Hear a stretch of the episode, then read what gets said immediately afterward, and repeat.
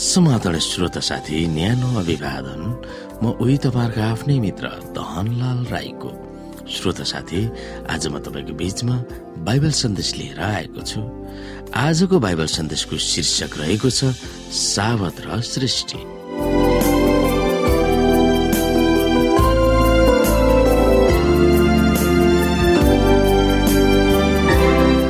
श्रोता हामीलाई सावत किन दियो संसार घोर निराशामा छ।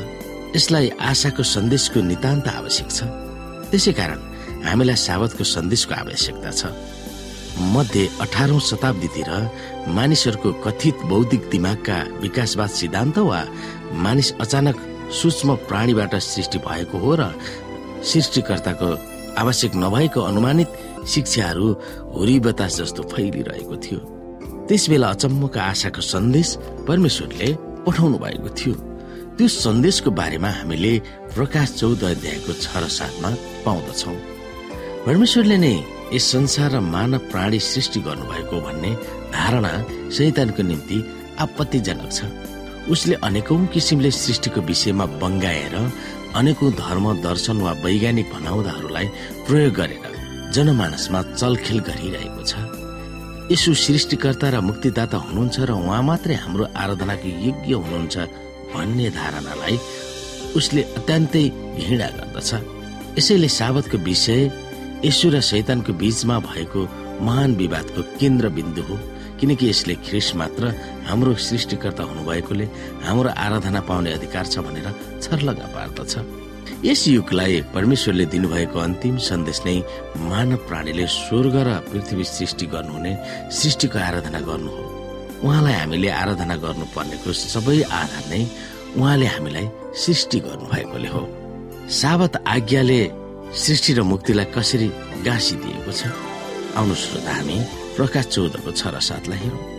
यहाँ प्रकाश चौधको छ र सातको सन्दर्भमा हामी विभिन्न पदहरूलाई पनि लिन सक्छौँ जस्तो उत्पत्ति दुई अध्यायको एकदेखि हेरौँ भने यसरी आकाश र पृथ्वी र दिनमा भएका सबै कुरा बनाइ सिद्धिए आफूले गर्नुभएका काम छैटौँ दिनमा परमेश्वरले सिद्ध्याउनु भयो र सातौं दिनमा आफूले गर्नुभएका सबै कामबाट उहाँले विश्राम लिनुभयो अनि परमेश्वरले सातौं दिनलाई आशिष दिनुभयो र त्यसलाई पवित्रता ल्याउनु भयो किनभने आफूले सृष्टिमा गर्नुभएको सारा कामबाट यसै दिनमा उहाँले विश्राम लिनुभयो।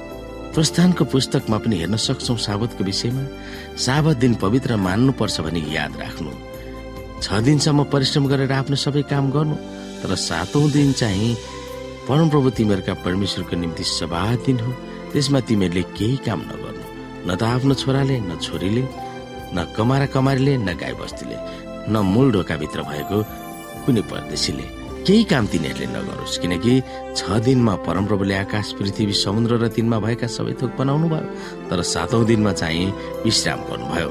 त्यसकारण परमप्रभुले सभा दिनलाई आशिष दिनुभयो र त्यसलाई पवित्र गर्नुभयो। श्रोता परमप्रभु आफ्ना परमेश्वरले आज्ञा गर्नुभयो बमोजिम सभा दिन पवित्र राख्न याद राख्नुपर्छ। छ दिनसम्म परिश्रम गरेर आफ्नो सबै काम गर्नुपर्छ तर सातौं चाहिँ दिन परमप्रभु हाम्रो परमेश्वरले सभा दिन भनेर छुट्याइदिनु भएको छ। त्यसमा हामीले केही काम गर्नु हुँदैन। आफ्ना छोराछोरीहरू गुरु गधाले समेत पनि र सहरभित्र भएका परदेशीहरूले पनि केही काम गर्नु हुँदैन भनेर हामीले बुझ्यौँ। आफ्ना कमारा र कमारले तिनीहरूसँग विश्राम गरून् भनिएको छ। तिनीहरू मिश्रका कमारा हुँदा कसरी परमप्रभु तिमीहरूका परमेश्वरले आफ्नो बाहुबल र फैलिएको पाखुरा प्रयोग गरी तिमीहरूलाई निकालेर ल्याउनु भयो सो याद राख भनेर हामीलाई व्यवस्थाको पुस्तकमा भनिएको छ। यसै कारण परमप्रभु तिमीहरूका परमेश्वरले सवात मान्न तिमीहरूलाई आज्ञा गर्नुभएको छ भनेर व्यवस्था पाँच अध्यायमा हामी हेर्छौँ। श्रोता परमेश्वरमा मात्रै हाम्रो सही विश्राम छ भनेर देखाउने अनन्तको प्रतीक साबत हो। परमेश्वर प्रति मात्र हामी वफादार छौँ भनेर देखाउन विशेष प्रमाण हाम्रो साबत पालना नै साबत कुनै विधिवाद आदेश हो नभएर धर्म कर्मबाट हामी धर्मात्मा हुन्छौँ भन्ने बोझबाट राहत दिने परमेश्वरको योजना हो।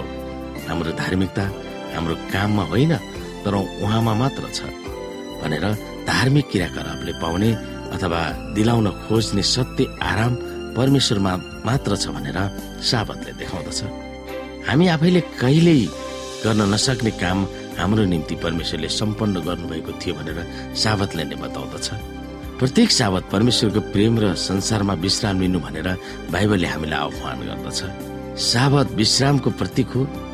यसले हाम्रो धर्म कर्म र जतिसुकै उपलब्धिमूलक कामबाट हामीलाई सही विश्राम दिँदैन भनेर देखाउँछ। यो अनुग्रहको प्रतीक हो विधिवाद होइन। यो हाम्रो निम्ति आश्वासन हो। हामीलाई दोषी ठहराउने होइन।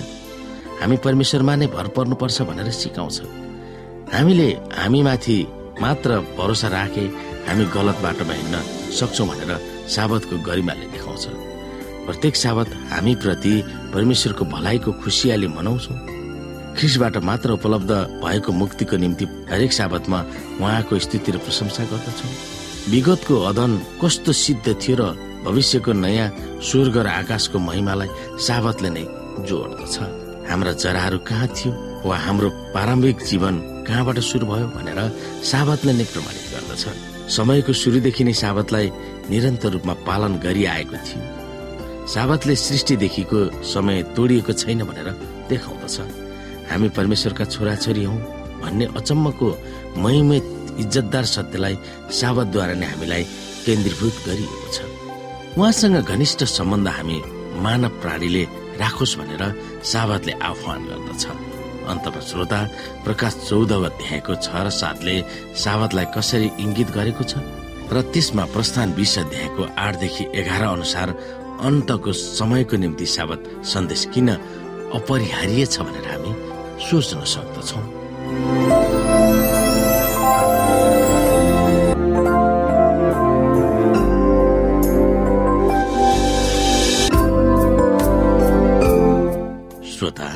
आजको लागि बाइबल सन्देश यति नै हस्त नमस्ते जय मसिंह।